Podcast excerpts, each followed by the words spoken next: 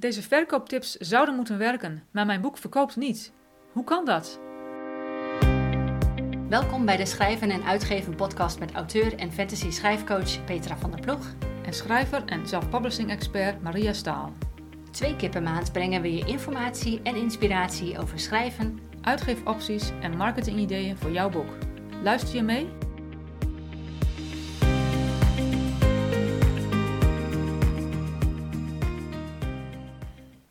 Hallo allemaal, ik ben Maria Staal en het is zaterdag 26 maart 2022. Dit is aflevering nummer 17 van de podcast, waarin we 10 verkooptips de revue laten passeren. In deze extra aflevering steken we de draak met het verkopen van je boek. Als je wilt weten hoe je dit niet moet doen, dan is deze aflevering voor jou. Dit is natuurlijk just for fun, maar wellicht valt er ook wel iets te leren. Veel luisterplezier.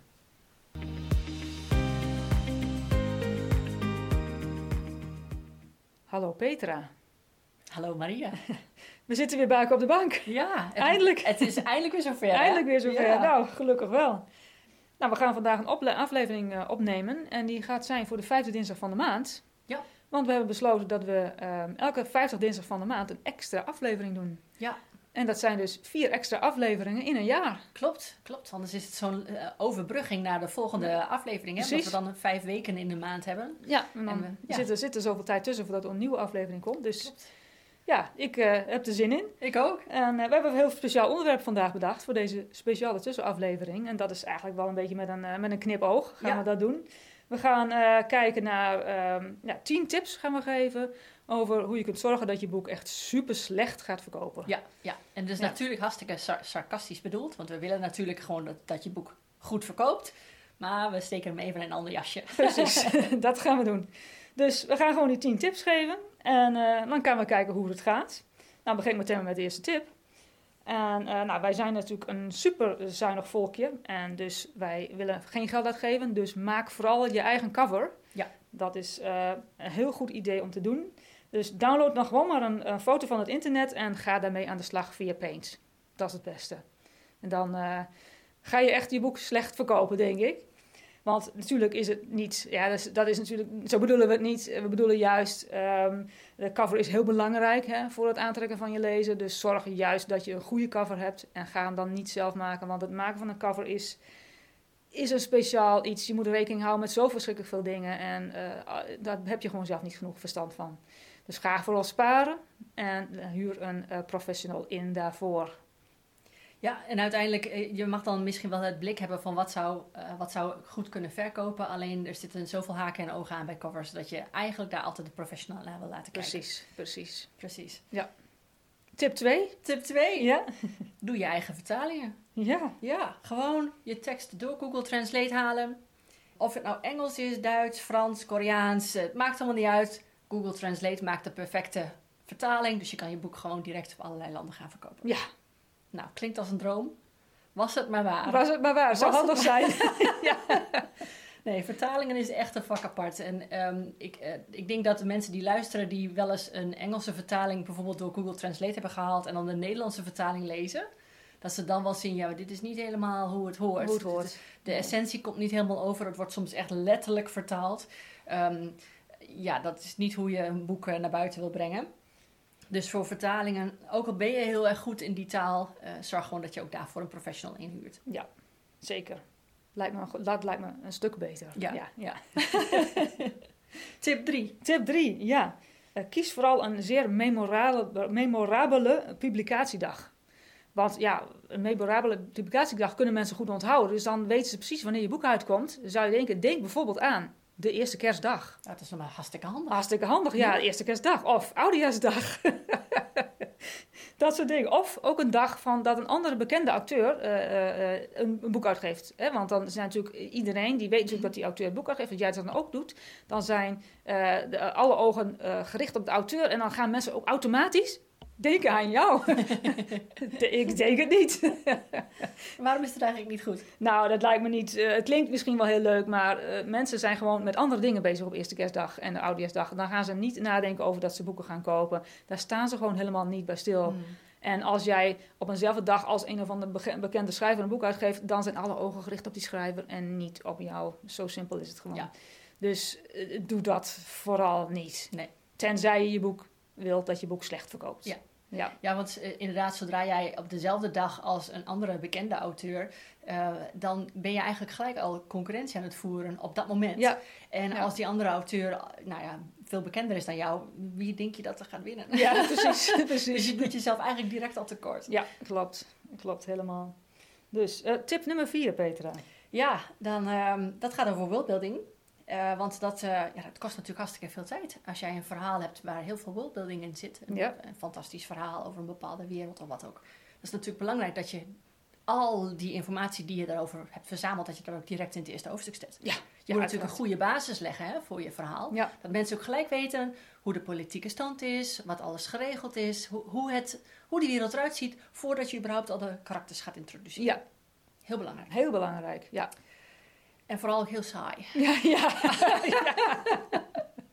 Deze beroemde infodump ja. wil je absoluut niet, doen in je nee. verhaal. Nee, Eh tuurlijk wil je duidelijk maken dat je, eh, je worldbuilding heel eh groots is. Dat je er echt genoeg aandacht aan hebt besteed. Alleen de, de, het, wat je wilt doen is het eigenlijk sprinkelen door je hele verhaal heen.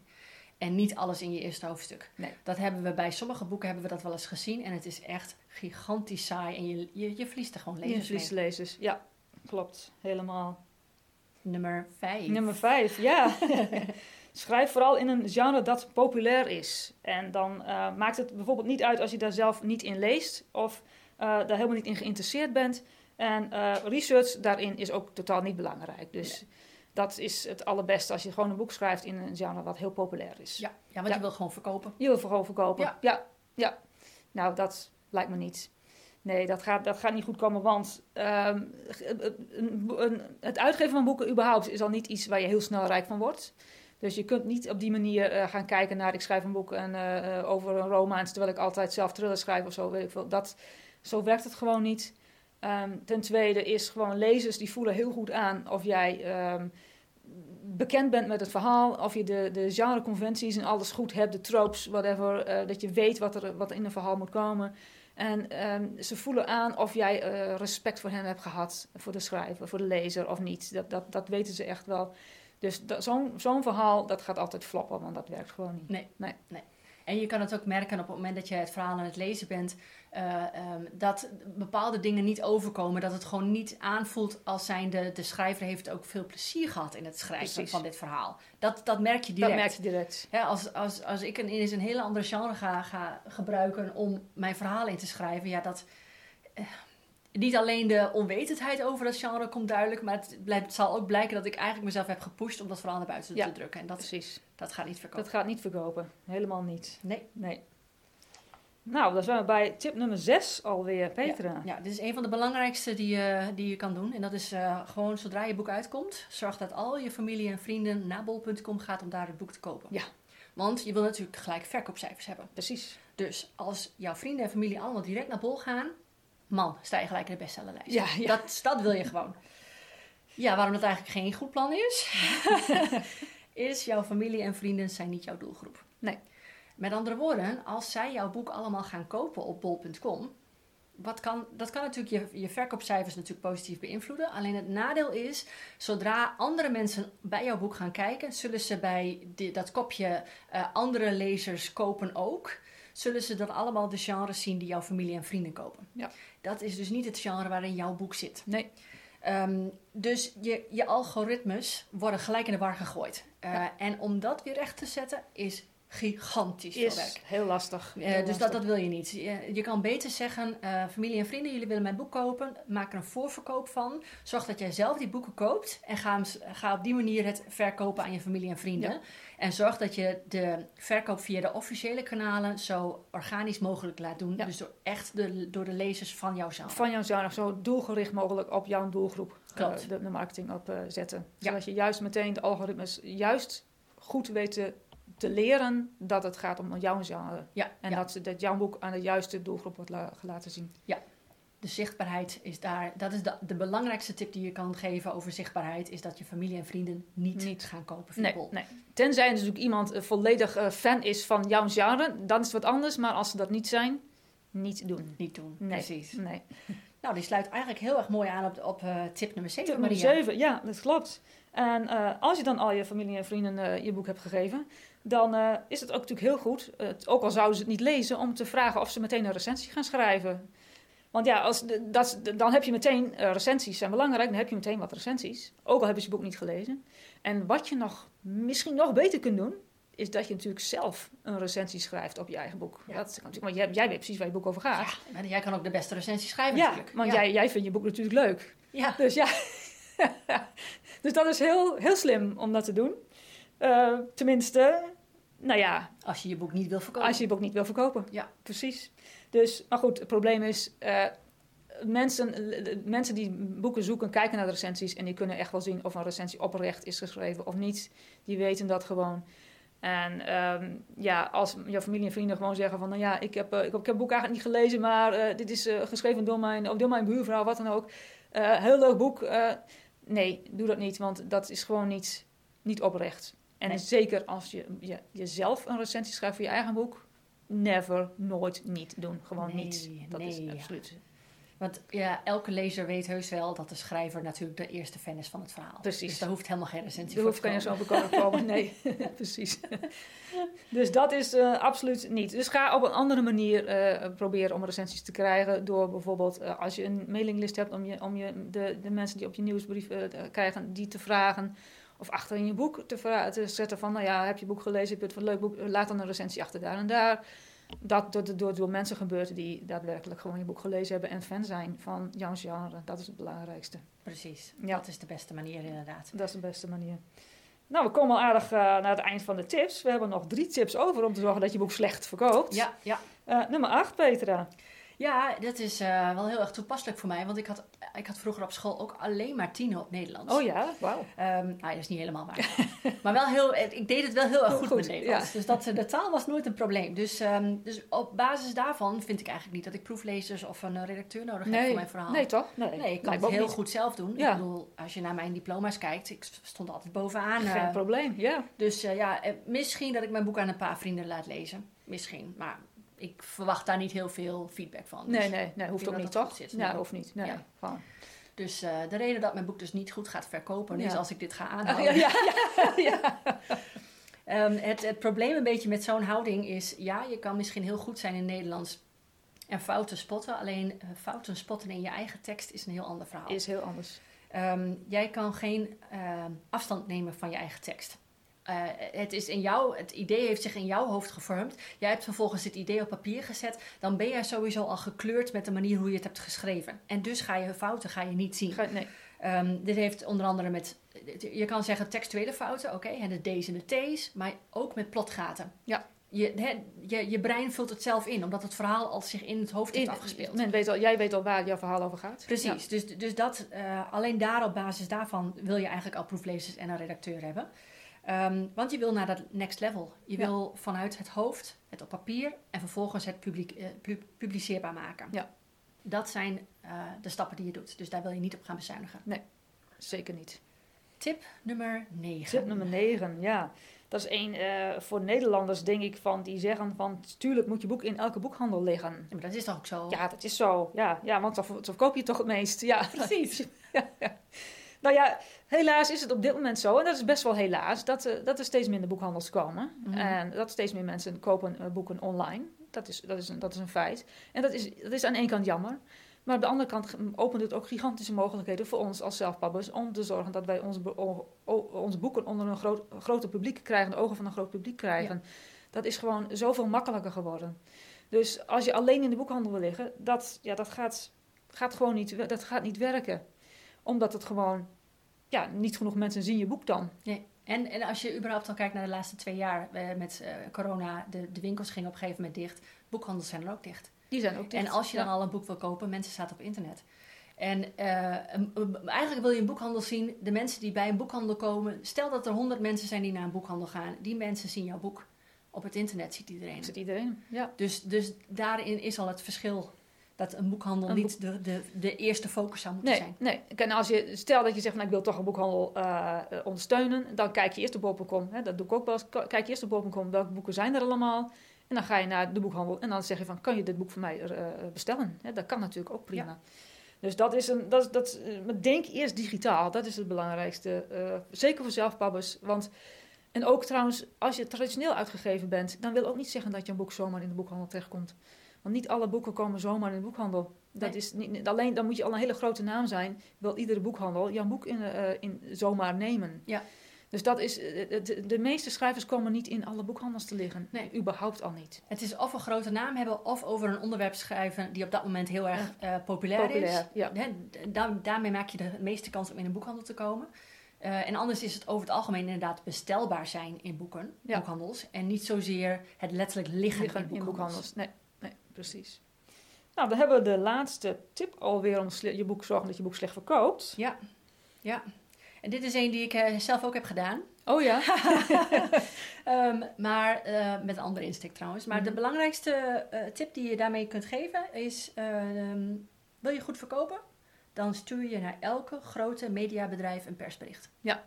Want zodra een media- mediabedrijf ziet dat er een nieuw boek komt, natuurlijk gaan ze daarover posten. Ja. Hè, dus, dus je wordt genoemd in de krant of op Mhm. een internetartikel. en zo krijgt je boek de aandacht die het verdient. ja, En waarom dat niet werkt, is omdat jij maar gewoon een boekje hebt geschreven. precies. Het wordt Ja. gewoon niet gezien. En ik heb het toen de tijd ook gedaan, maar ik deed het alleen naar een lokale. Mhm. En daarmee heb ik natuurlijk gelijk al de voorsprong gehad, omdat ik een lokale schrijver was. Ja. Wordt het, is de kans groter dat je mediabericht wordt aangenomen, Ja. hè, je persbericht. Ehm, maar een persbericht aan zich, versturen als een, ja, een promotiemiddel, het, het zet niet heel veel Nee. voeten in de aarde, zeg maar. Nee. Dus je stopt er wel heel veel tijd in, want je wil zorgen dat het, dat het qua tekst en alles goed aansluit. Maar de kans dat er wat mee gedaan wordt, is nou, vrijwel nihil. Is klein. En ik denk wat het tweede wat het ook doet, het schept verwachtingen bij jou. Dat je denkt van, oh, dit gaat echt werken. En vervolgens gebeurt er helemaal niks. Dus dan word je teleurgesteld. Ja. Dat is ook nog weer een ding. Ja. Ja, ja dus, dus eh, in die zin kun je beter je energie stoppen in, in zaken waar je echt goed invloed op kunt uitoefenen.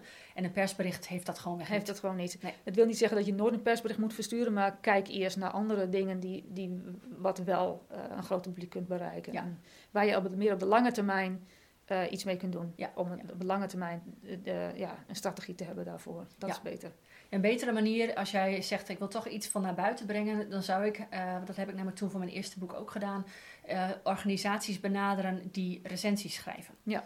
Dat zou een betere optie kunnen zijn. Dan, dan benader je ook organisaties die jou kunnen helpen promoten.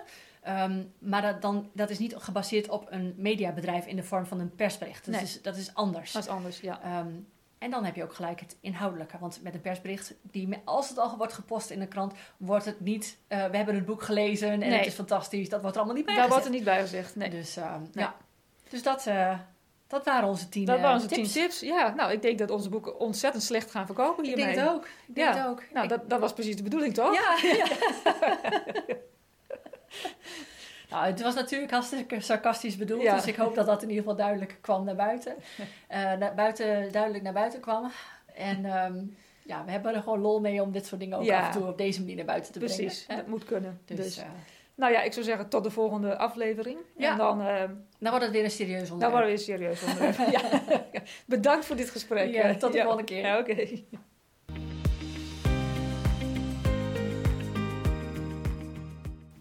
De 10 tips die je net hebt gehoord zijn natuurlijk met een knipoog gegeven. Maar door te weten wat je niet moet doen, is het makkelijker te achterhalen wat je wel moet doen. We hopen dat je het leuk vond om te luisteren naar deze omgekeerde wijsheid. Wij hadden in elk geval veel plezier bij het maken van deze aflevering. Wil je alles nog eens rustig nalezen? Ga dan naar de show notes op onze website schrijvenenuitgeven.nl. De volgende keer gaan we het hebben over genre en genreconventies. Oftewel, hoe kun je voldoen aan de verwachtingen van je lezer? We duiken in verschillende genres en geven je voorbeelden waarmee je direct aan de slag kunt gaan. Tot de volgende keer. Bedankt voor het luisteren. We hopen dat je het leerzaam vond. Meer informatie en inspiratie over schrijven vind je op Petra's website fantasyschrijfcoaching.nl. Wil je meer weten over uitgeven en marketing? Ga dan naar mariastaal.nl. Op beide websites vind je ook de show notes en de links naar eerdere afleveringen. Heb je een idee voor een volgend onderwerp? Stuur ons dan een berichtje. Tot de volgende keer.